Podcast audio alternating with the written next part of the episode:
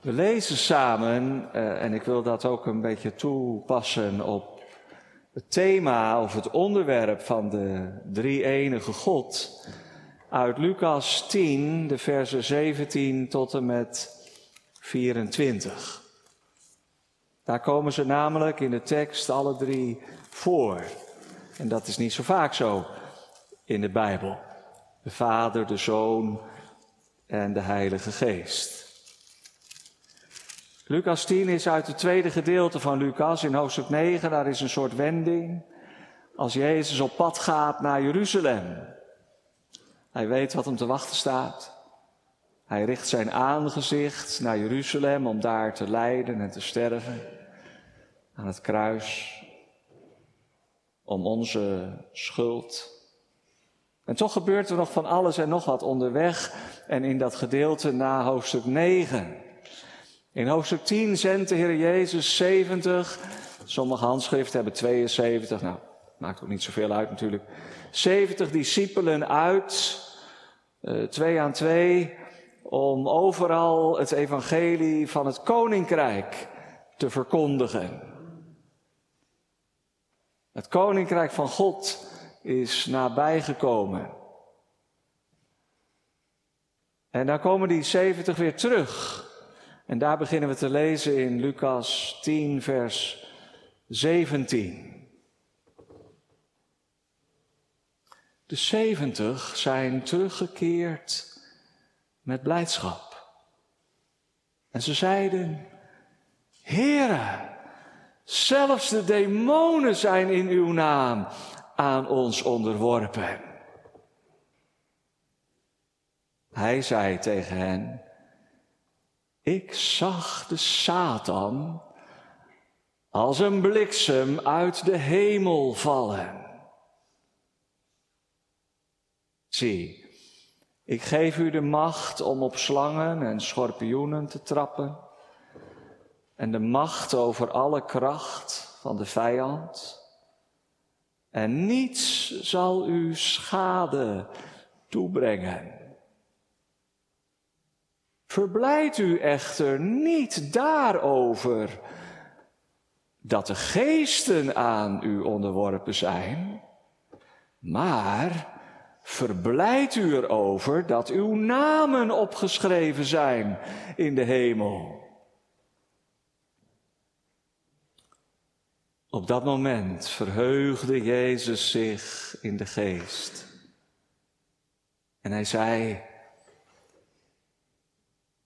ik dank u, Vader, Heere van de hemel en van de aarde,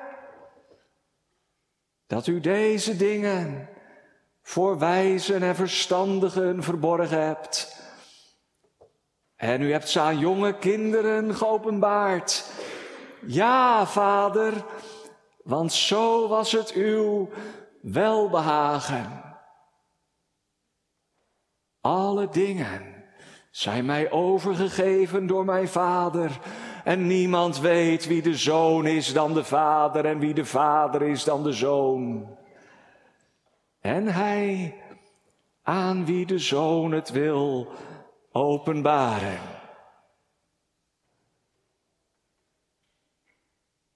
En hij keerde zich naar de discipelen en hij zei tegen hen alleen, Zalig zijn de ogen die zien wat u ziet. Want ik zeg u dat veel profeten en koningen de dingen hebben willen zien die u ziet. En zij hebben ze niet gezien. En te horen de dingen die u hoort. En zij hebben ze niet gehoord.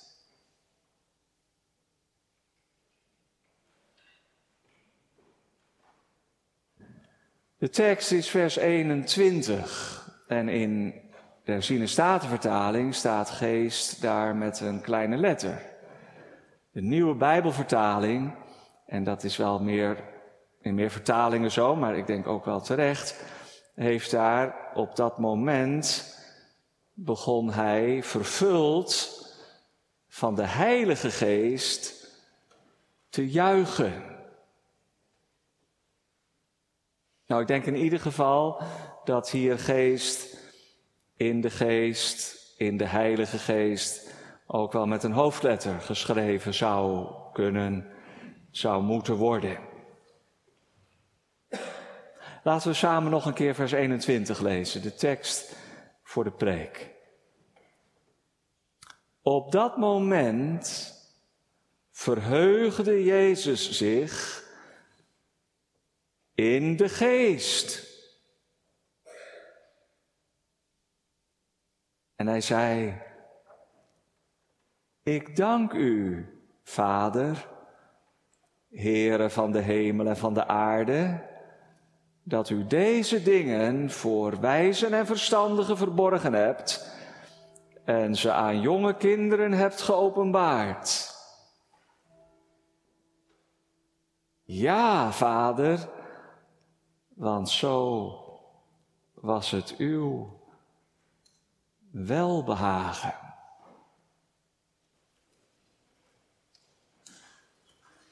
Geliefden in de Heere Jezus Christus.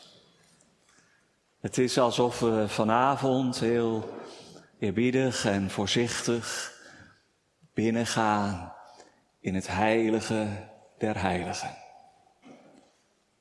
Want we horen hier, en we horen dat niet zo vaak in het Nieuwe Testament, hoe Jezus bidt.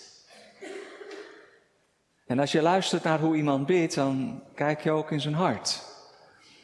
Ik weet niet of er hardop gebeden wordt bij jullie aan tafel. Ik zou het wel doen. Ook al hakkel je misschien een beetje en zoek je soms naar woorden. Het is zo mooi om samen te bidden en dat uh, kinderen ook horen hoe hun moeder, vader bidt. En, ik las laatst dat het misschien ook wel goed is om en voordat het uh, pubers zijn natuurlijk, om te vragen of de kinderen een keer willen bidden aan tafel. Waarom niet? Als je dat zo aanwendt als gezin om samen te bidden. En dat kan het ontzettend mooi zijn als je je dochter of je zoon hoort bidden. Heel eenvoudig spreken met God. En nou horen we de Heer Jezus bidden. En wat kunnen we leren van het gebed van de Heer Jezus?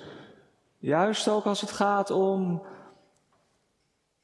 de Vader tot wie Hij bidt. De Zoon, dat is Jezus zelf die bidt. En de Heilige Geest, door wie Jezus zich zo verheugt. De drie enige God. En, en nou zou ik willen vragen, ik zal me echt mijn best doen om het zo eenvoudig mogelijk te houden vanavond. Dat je niet gelijk afhaakt. Denk, oh, dit is heel ingewikkeld. Dat kan zomaar gebeuren met zo'n moeilijk woord, drie eenheid. Ik kan toch niet begrijpen, drie en één. Dat zal wel theologie zijn of zo. Dat is het ook wel. Het is ook mijn vak natuurlijk. Maar het is ook wel meer. Dus ik wil je echt vragen, niet afhaken aan het begin. Als het wel gebeurt, kan ik misschien ook niet helpen, maar ik zal mijn best doen. Dat we allemaal bij de les blijven. Want het is zo ongelooflijk mooi. Als je erover nadenkt. Dat zou ik nou heel graag willen. Dat je naar huis gaat. En misschien voor het eerst in je leven zegt: wat is dat? Ongelooflijk mooi. Diep. Ja, duizelt mij ook wel hoor. Ik denk niet dat ik het echt uit kan leggen. Dan zou het een soort eh, puzzel zijn. Dat is het ook niet. Het is niet iets menselijks. Maar toch iets heel, iets heel moois. Dat hoop ik. Dat, dat we, dat is ook straks het laatste punt van de preek, dat we iets van, van aanbidding mogen kennen. Zoals we al gezongen hebben, heilig, heilig, heilig. Iets van diep ontzag over wie God is. Want, en dat is het eerste van de vier dingen die ik graag uit het gebed met jullie wil delen. Uit dit gebed van de Heer Jezus kunnen we leren wie God is. Jezus spreekt tot zijn Vader. En hij bidt wel, maar hij vraagt eigenlijk niks in dit gebed. Dat is ook iets om over na te denken. Wij vallen meteen met de deur in huis vaak als we bidden. En dan hebben we een lijstje met zorgen en noden. mag allemaal, hè? je mag alles aan de Heer vertellen, er is helemaal niks mis mee. Maar het wordt zo gauw een vraaggebed. Maar de Heer Jezus heeft hier geen vraaggebed. Hij heeft het ons wel geleerd, bidden om ons dagelijks brood. Maar hier bidt de Heer Jezus niks. Hij aanbidt. Dank u, Vader. Dank u wel. Andere vertalingen hebben, ik loof u, Vader. Ik prijs u, Heere van de hemel en van de aarde. En terwijl Jezus bidt en heel blij is, verheugd in God, is dat door de Heilige Geest. En, blijkbaar is die drie-eenheid, of ik spreek liever niet over de drie-eenheid, dat is theologie. Ik spreek liever over de drie-enige God. Dat is blijkbaar ook al iets in de Bijbel. Sommige kritische geleerden zeggen, nou dat heeft heel lang geduurd. Wel een paar eeuwen voordat de kerk dat heeft geformuleerd. één in wezen en drie personen. En, en nou ja, dat is ook waar, dat heeft ook wel even geduurd. Dat kwam ook door allerlei discussies in de vroege kerk over hoe zit het nou precies met de Vader, de Zoon en de Heilige Geest. En hoe verhouden zich tot elkaar. En eigenlijk de vraag ook is, is Jezus wel God? Nou nee, zeiden heel veel mensen, want hij is eigenlijk net een van ons, hij hoort bij de schepping. Nee, nee, zeiden de anderen terecht, hij is ook God. Maar hoe zit het dan als er maar één God is? Nou, daar kwam een hele discussie en dat duurde ook inderdaad wel heel lang. Voordat uh, in 325 bijvoorbeeld in de geloofsbeleidnis van Nicea dat helemaal uh, uitgedokterd was, zou je bijna zeggen. Geformuleerd. Maar dat maakt het juist weer zo ingewikkeld. Als je nou gewoon in de Bijbel leest hoe er gesproken wordt over God de Vader.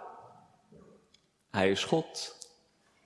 Maar ook over de Heer Jezus. Hij zegt het hier zelf. Alle dingen zijn aan mij overgegeven door mijn Vader. Alle dingen. En hij zegt het ook, niemand kent de Vader dan de Zoon. Hij spreekt over zichzelf als de Zoon. En niemand kent de Zoon dan de Vader. En, en, straks zegt hij het ook na de opstanding. Mij is gegeven alle macht in de hemel en op de aarde. Het kan toch niet anders? Ik ga nog niet allerlei bewijsplaatsen opnoemen. Het kan toch niet anders? Of de Heer Jezus moet ook de Zoon van God zijn. En als hij dat is, dan is hij ook God. Net als de Vader. Dan hoort hij niet bij deze kant van de geschapen werkelijkheid als een hoge engel of als een mens alleen. Dan hoort hij bij de andere kant, bij de Schepper. Hij is God. God uit God, licht uit licht. Van eeuwigheid. Hij was er al. Voordat hij geboren werd. Want hij is niet geboren, zoals u, zoals jij. Jij was er niet altijd, hè? Eh, weet je dat nog? Toen je misschien een jaar of vijf was, zes. Dan zag je opeens foto's van de bruiloft van je vader en moeder. Of oude foto's. En waar was ik toen dan? Ja, zeg je vader of je moeder, toen was je er nog niet, hè?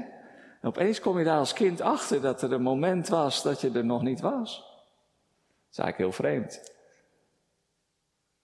Maar als het nou over de Heer Jezus gaat, dan was er nooit een moment dat Hij er niet was. Hij is gekomen naar deze wereld, uit de hemel, bij zijn Vader vandaan. Hij is mens geworden. Hij is God. Dat kan niet missen. En als het nou over de Heilige Geest gaat, die met Pinkster is uitgestort, dan zou je haast zeggen dat is iets tussen de Vader en de Zoon. Dat is hier ook heel mooi in de tekst. Op dat moment, nieuwe Bijbelvertaling, begon Jezus te juichen door de Heilige Geest.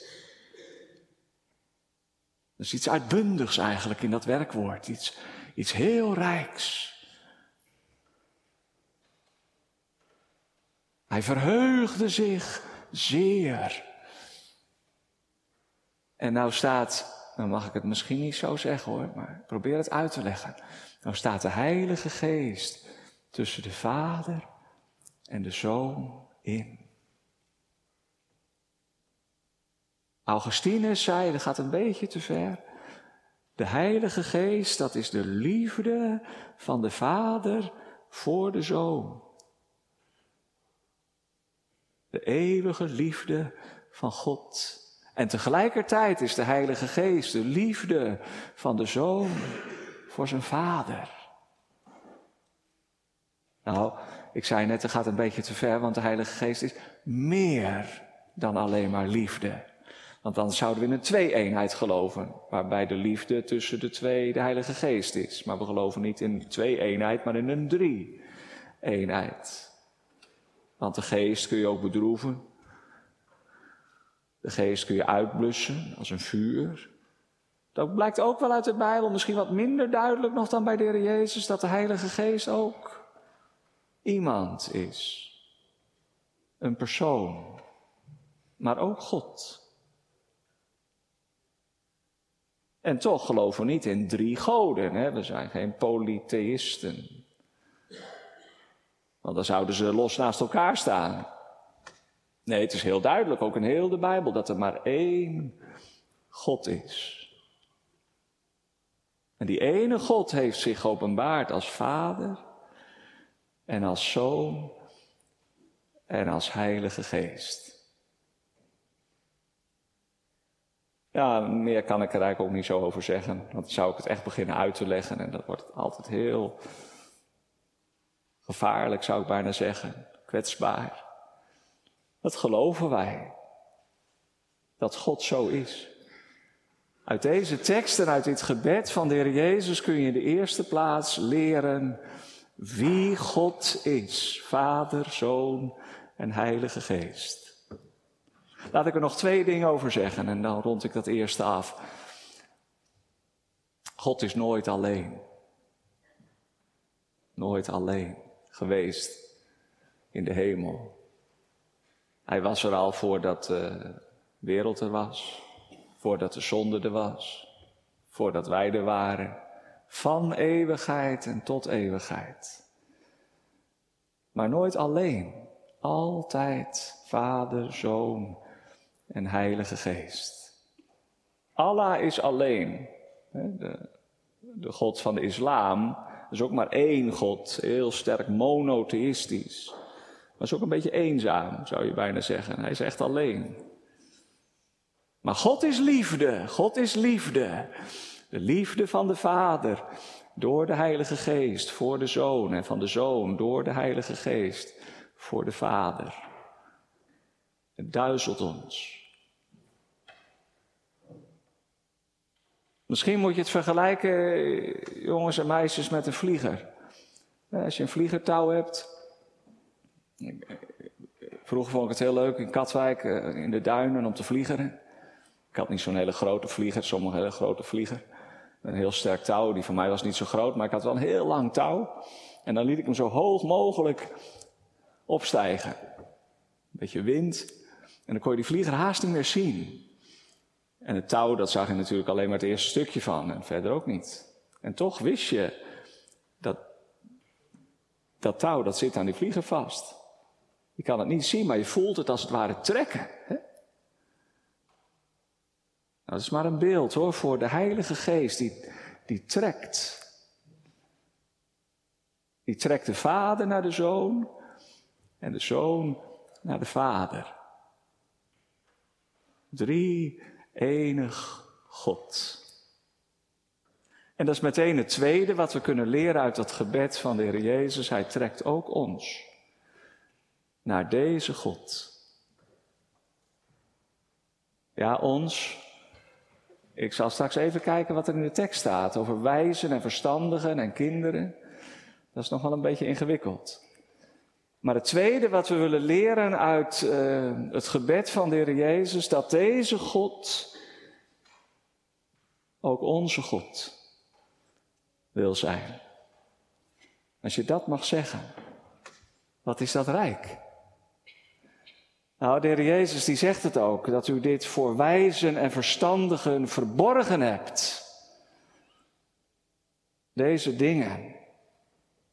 Het is niet zo als je heel geleerd bent of heel knap dat je het dan kan begrijpen of zo. Maar u hebt het aan de kinderen geopenbaard. Ja, vader, want zo was het uw welbehagen.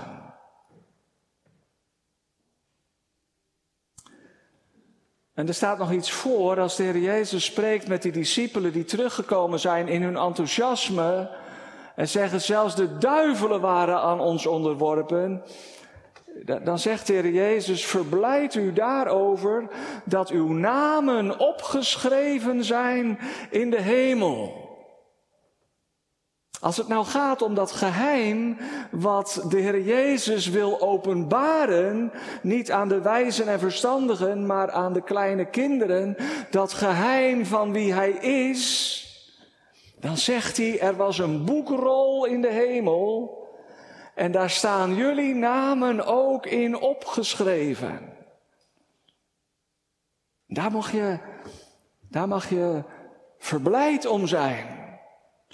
En op dat moment verheugde Jezus zich in de geest. Zie je het verband? Hij is blij met de Vader en door de Heilige Geest, maar hij is ook blij met ons, als ik het even zo toe mag passen.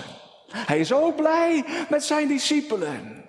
Hij zegt eigenlijk, toen ik in de hemel was, ik zeg het maar een beetje al te menselijk, toen heb ik al die namen gezien die daar opgeschreven zijn in de hemel, in de boekenrol van God, mijn hemelse Vader. En heb ik ook jullie namen daarbij gezien. Weet je het nog, dat je voor het eerst op school je naam opschreef? En je was zo trots met die letters die je opgeschreven had. En je kwam ermee thuis en je vader en moeder waren nog trotser dan jij.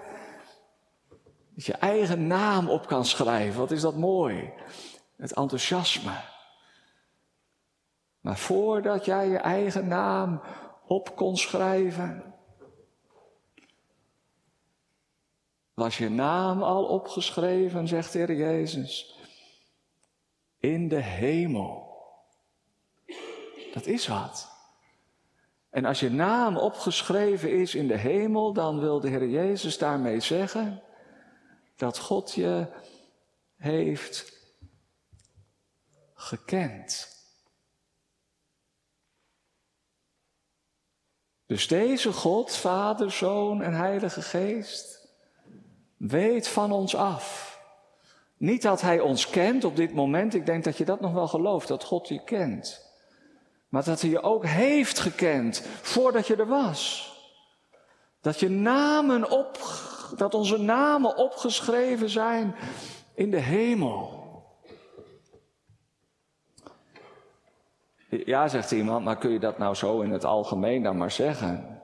Nou, dat zegt de Heer Jezus ook niet. Hij zegt het tegen zijn discipelen. En, en misschien heeft het ook wel te maken met die uitverkiezing. Hè? Als ik dat woord noem, dan wordt het misschien nog ingewikkelder. Maar ik noem het toch. Want als onze namen opgeschreven zijn in de hemel, dan weet God wie we zijn. Van alle eeuwigheid. Gekend. En weet je wat dan zo'n groot wonder is? Dat, dat Hij mij gekend heeft. Zoals ik ben. Veel beter en veel dieper dan dat ik mijzelf ken. En dat Hij toch van me houdt.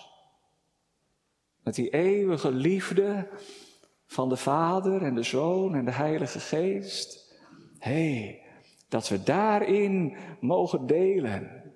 In die eeuwige liefde van God. Daar spreekt de Heer Jezus over in zijn gebed. Ik dank u, Vader, Heere van de hemel en de aarde, dat u deze dingen voor de wijzen en verstandigen verborgen hebt, maar aan de kleine kinderen geopenbaard. Ja, vader, want zo was het uw welbehagen. Dat woord welbehagen onderstreept het eigenlijk. Dat we mogen delen in die eeuwige liefde van God, die ons gekend heeft en die toch om Jezus wil onze God en Vader wil zijn.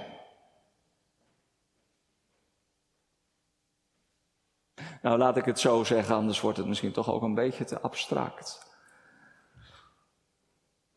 In de Nederlandse geloofsbelijdenis staat het heel mooi. Hij wist wel dat wij zondaars waren toen hij zijn enige geboren zoon in deze wereld gezonden heeft. Hij wist wel waar hij aan begon toen de Jezus kwam. Jezus wist het en de Vader wist het en de Heilige Geest wist het.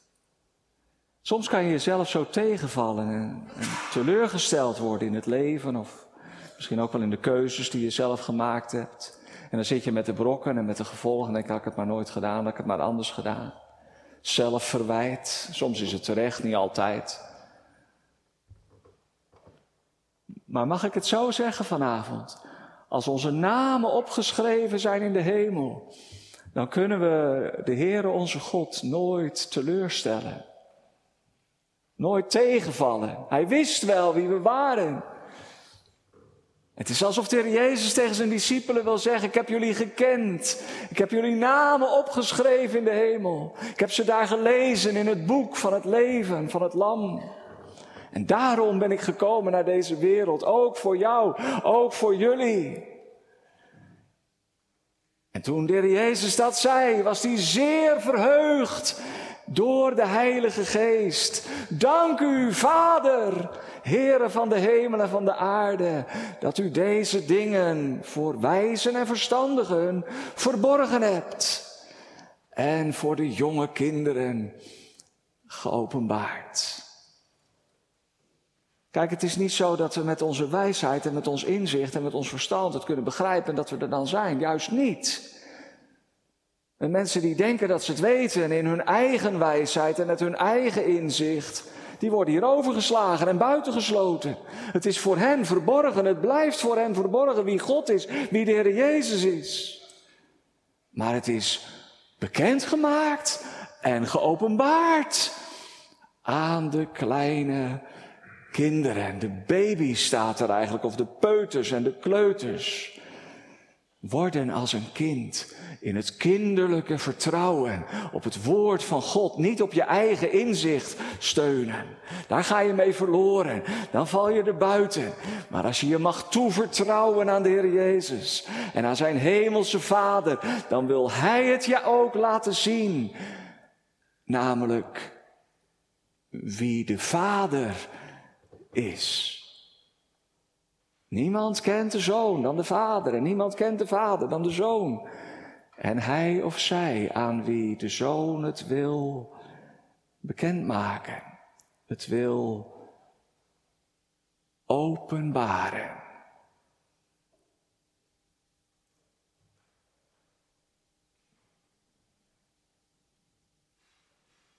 Denk er eens even over na, ook voor jezelf. Wat betekent dat? Dat die eeuwige en drie-enige God mij kent.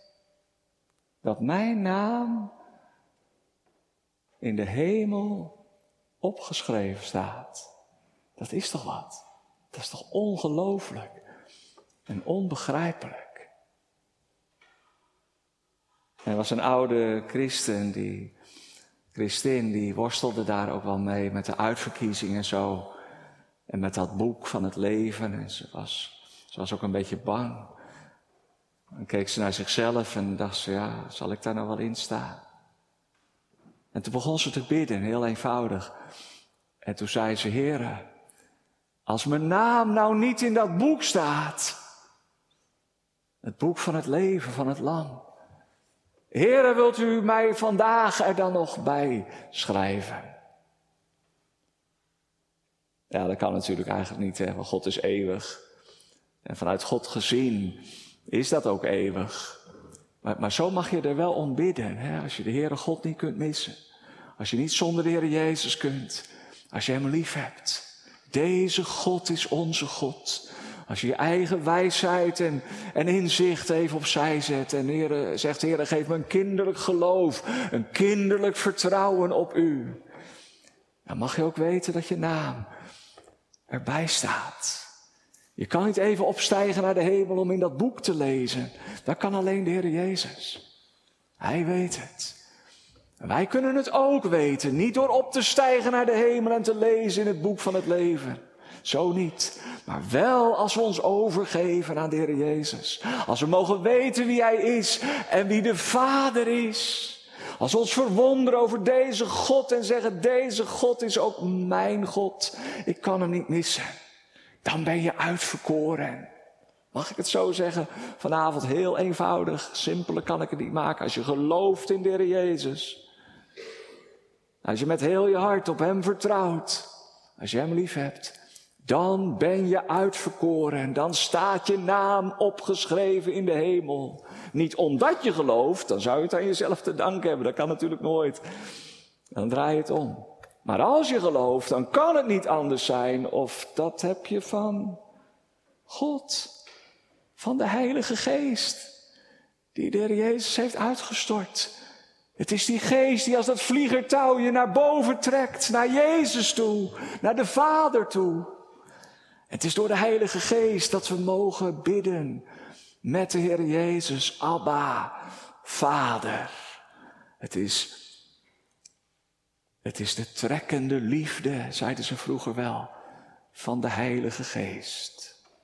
De verkiezende liefde van de Vader. En de kopende liefde van de Zoon, die de prijs betaald heeft voor onze zonden. En de trekkende liefde van de Heilige Geest. Dat hè, God is liefde. En als je Hem lief hebt, dat heb je niet van jezelf. En mag je, mag je ook blij zijn dat je naam opgeschreven staat in de hemel.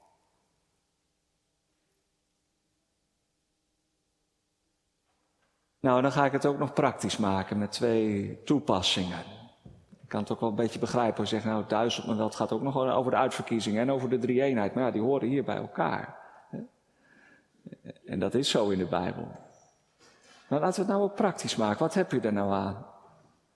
Als je dat mag weten. Van de Vader en de Zoon en de Heilige Geest. En dat je daarbij mag horen. Dat je mag zeggen, deze God is onze God. Hij is ons deel, ons zalig slot. Nou, het eerste van die twee laatste dingen die we leren uit het gebed van de Heer Jezus, dat is de zekerheid en de houvast die je nodig hebt in de strijd. Als je aan jezelf overgeleverd bent en helemaal afhankelijk bent van jezelf en van je eigen geloof, dat is toch een beetje arm. De mensen om ons heen zeggen dat wel. Nou, ik vind het wel heel mooi dat je zoveel kracht hebt aan je geloof. Nou ja, laat ze het zo maar zeggen. Dat is ook weer niet zo heel erg. Maar je denkt er wel bij, nou als dat het is, als ik steun heb aan mijn geloof, dan is het ook maar zo weer weg. Ik heb geen steun aan mijn geloof. Ik heb steun aan mijn God. Toch? Nou, dus de kracht en de zekerheid en de hulp die je nodig hebt, juist in de strijd, dat heeft daarmee te maken. Wat de Heer Jezus hier zegt. Dat je mag weten dat je bij deze eeuwige en enige en drie enige God mag horen. En dat de Vader bekendgemaakt heeft wie de Zoon is. En dat de Zoon bekendgemaakt heeft wie de Vader is. De woorden stapelen zich wel een beetje op. Maar, maar, maar heel eenvoudig samengevat dat je mag weten wie God is. Ook voor jou. Want de aanleiding voor dat gebed van de Heer Jezus was nou juist dat de discipelen bij hem kwamen met hun enthousiasme, maar ook wel met hun verhaal over de demonen. Ik ga daar nou niet te diep op in, dan wordt het nog ingewikkelder. Dat is ook weer niet de bedoeling, is ook niet nodig. Maar ze komen bij de Heer Jezus, hè, we hebben dat gelezen, en ze zeggen, zelfs de duivel is aan ons onderworpen, de demonen. Kennelijk hadden ze de duivel uitgedreven of zieken genezen, zoals de Heer Jezus dat ook gedaan had, in de naam van de Heer Jezus. En ze waren in een soort overwinningsroes. En, en de Heer Jezus vindt het ook wel mooi, want hij zegt tegen zijn discipelen, ik geef jullie de macht om op slangen en schorpioenen te trappen. En de macht over alle kracht van de vijand. En niets zal u schade toebrengen. Nou, dat is een belofte. Dan sta je sterk in de strijd. Maar dan zegt de Heer Jezus er iets bij. Verblijd u daar niet over dat de demonen aan u onderworpen zijn of de geesten maar verblijdt u veel meer dat uw namen opgeschreven zijn in de hemel. Hé, mag je daar dan niet blij om zijn? Zijn ze dan een beetje te enthousiast in hun overwinningsroes? Ja, dat denk ik wel. Want het is soms net als je een overwinning behaald hebt, alsof het helemaal klaar is. En of er niks meer kan gebeuren. Maar, zegt de Bijbel, als je denkt dat je heel vast staat, dan kun je zomaar onderuit geschoffeld worden. Dan kun je zomaar komen te vallen. Wees voorzichtig. Blijf waakzaam, want de strijd is nog niet voorbij. Het ergste komt nog, dat weet de Heer Jezus ook voor zichzelf. Hij is op weg naar Jeruzalem. De eindstrijd komt nog. En al die discipelen, de twaalf, maar ook de zeventig, zullen hem straks verlaten. Uit angst, als de hel losbreekt, dat zij ook te pakken genomen zullen worden en misschien wel gedood. Dan zijn ze niet meer zo moedig. En zegt de Jezus, dat heeft ermee te maken.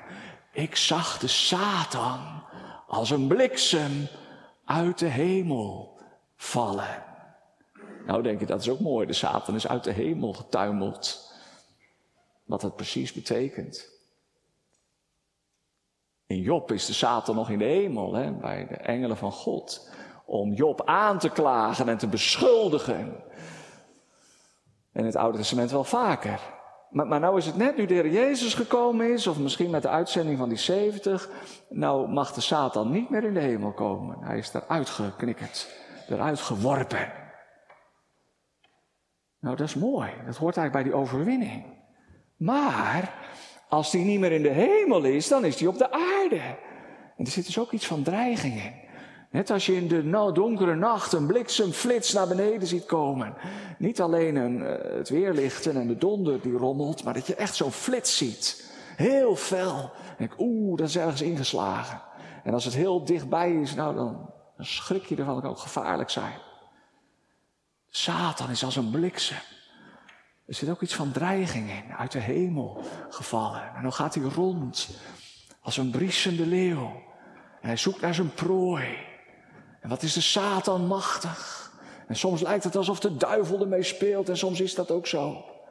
Als mensen verleid worden of verslaafd raken. Oh, de duivel die alles kapot maakt en verwoest, ook in relaties. Wat kan het ver gaan? Wat is de duivel machtig? Uh, we moeten bidden, leid ons niet in verzoeking, maar verlos ons van de boze.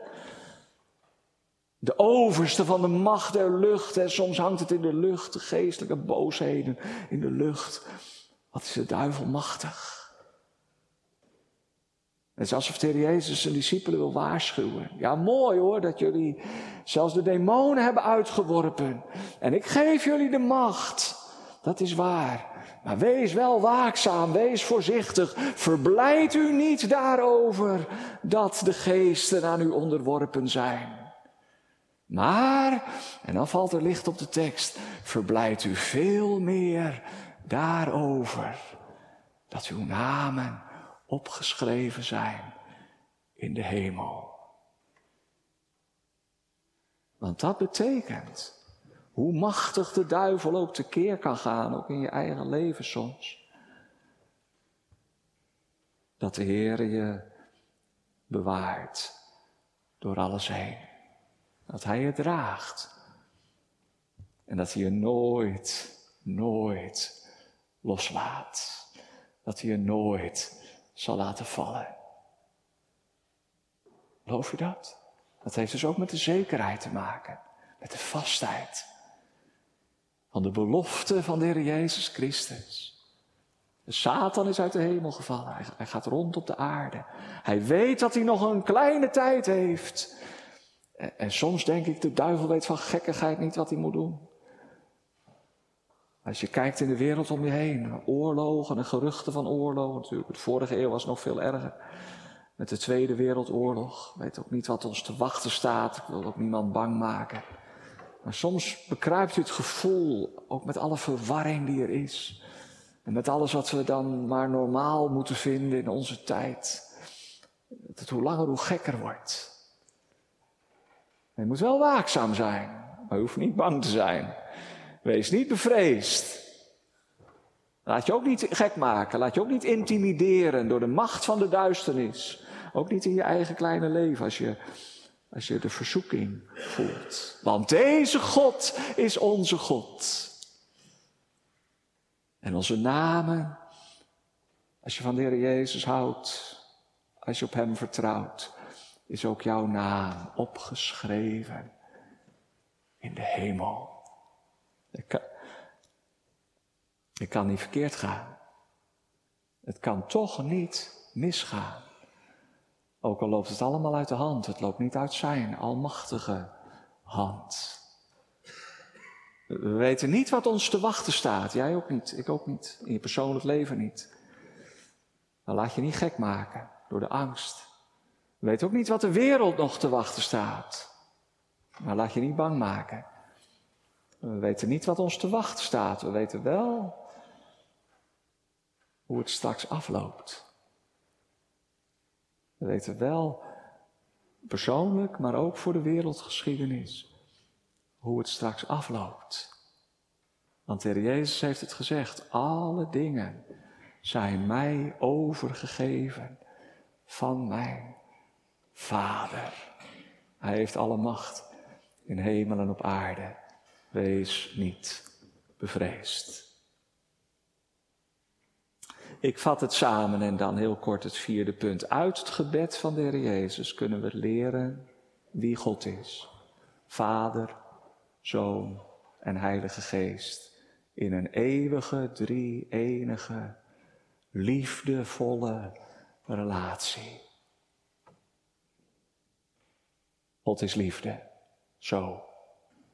Uit het gebed van de Heer Jezus kunnen we ook leren dat deze drie enige eeuwige relationele God.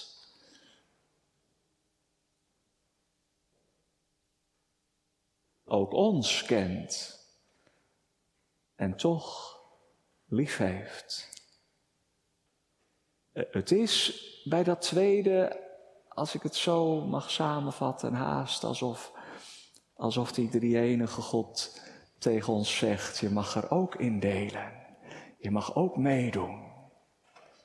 Zo zegt Johannes het, opdat onze gemeenschap zij met de Vader en met de Zoon door de Heilige Geest. Dat je erin getrokken wordt.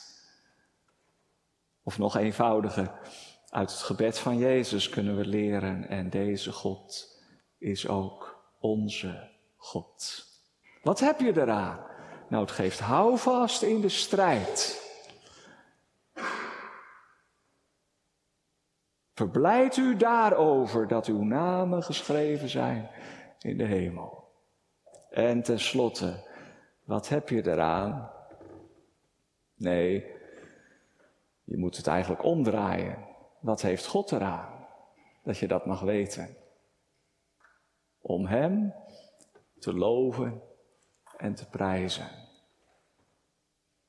De kennis van de drie enige God, Vader, Zoon en Heilige Geest, is bedoeld om te aanbidden. Om ons te helpen, om ons te verwonderen, ook al duizelt het ons. Om Hem te loven en te prijzen. Want Jezus keert zich naar zijn discipelen. En laat ik het maar meteen toepassen. Jezus keert zich ook naar ons. Hij komt uit de hemelse heerlijkheid, uit het gebed tot zijn vader. En het is net alsof hij wakker wordt uit het gebed. Het was zo diep, zo, zo intiem. En dan kijkt hij opeens zijn discipelen aan. En dan zegt hij tegen zijn discipelen: Zalig zijn de ogen die zien wat jullie zien. Want heel veel profeten en koningen, Jezaja, Jeremia, Elia, Elisa, David, Salomo, ze hebben verlangend uitgezien. En ze hebben willen zien de dingen die jullie zien, maar ze hebben ze niet gezien. En ze hebben verlangd om te horen de dingen die jullie horen, maar zij hebben ze niet gehoord. Het is een beetje cryptisch haast zoals de Heer Jezus het hier zegt, maar hij, hij, hij bedoelt natuurlijk daarmee wat een voorrecht. Dat jullie de vervulling hebben mogen zien van wat de wet en de profeten hebben voorspeld. In de Heer Jezus Christus, dat je erin mag delen. En als dat zo is, dan heb je alle reden om door de knieën te gaan in aanbidding en in verwondering. En om God te loven en te prijzen om wie Hij is. Zalig zijn de ogen die zien wat u ziet. En de oren die horen wat jullie mogen horen. Het is alsof de Heer Jezus ook tegen ons zegt, het is ook voor jullie. Je mag er ook bij horen. Je mag er ook in delen. En de profeten en de koningen van het Oude Testament stonden op een afstand. Maar nu is het in vervulling gegaan. En daarom is het zo diep en zo rijk. Om na te denken over de drie enige God. Om Hem te kennen, dat is het leven. Hem te missen is de dood. Als we Hem zo mogen kennen door de Heer Jezus Christus, dan mag ons antwoord ook zijn, Heere, als u dan zo bent, ook voor mij, mag ik u dan voor eeuwig liefhebben, voor eeuwig loven, voor eeuwig prijzen, om wie u bent, Vader, Zoon en Heilige Geest, drie ene God. Amen.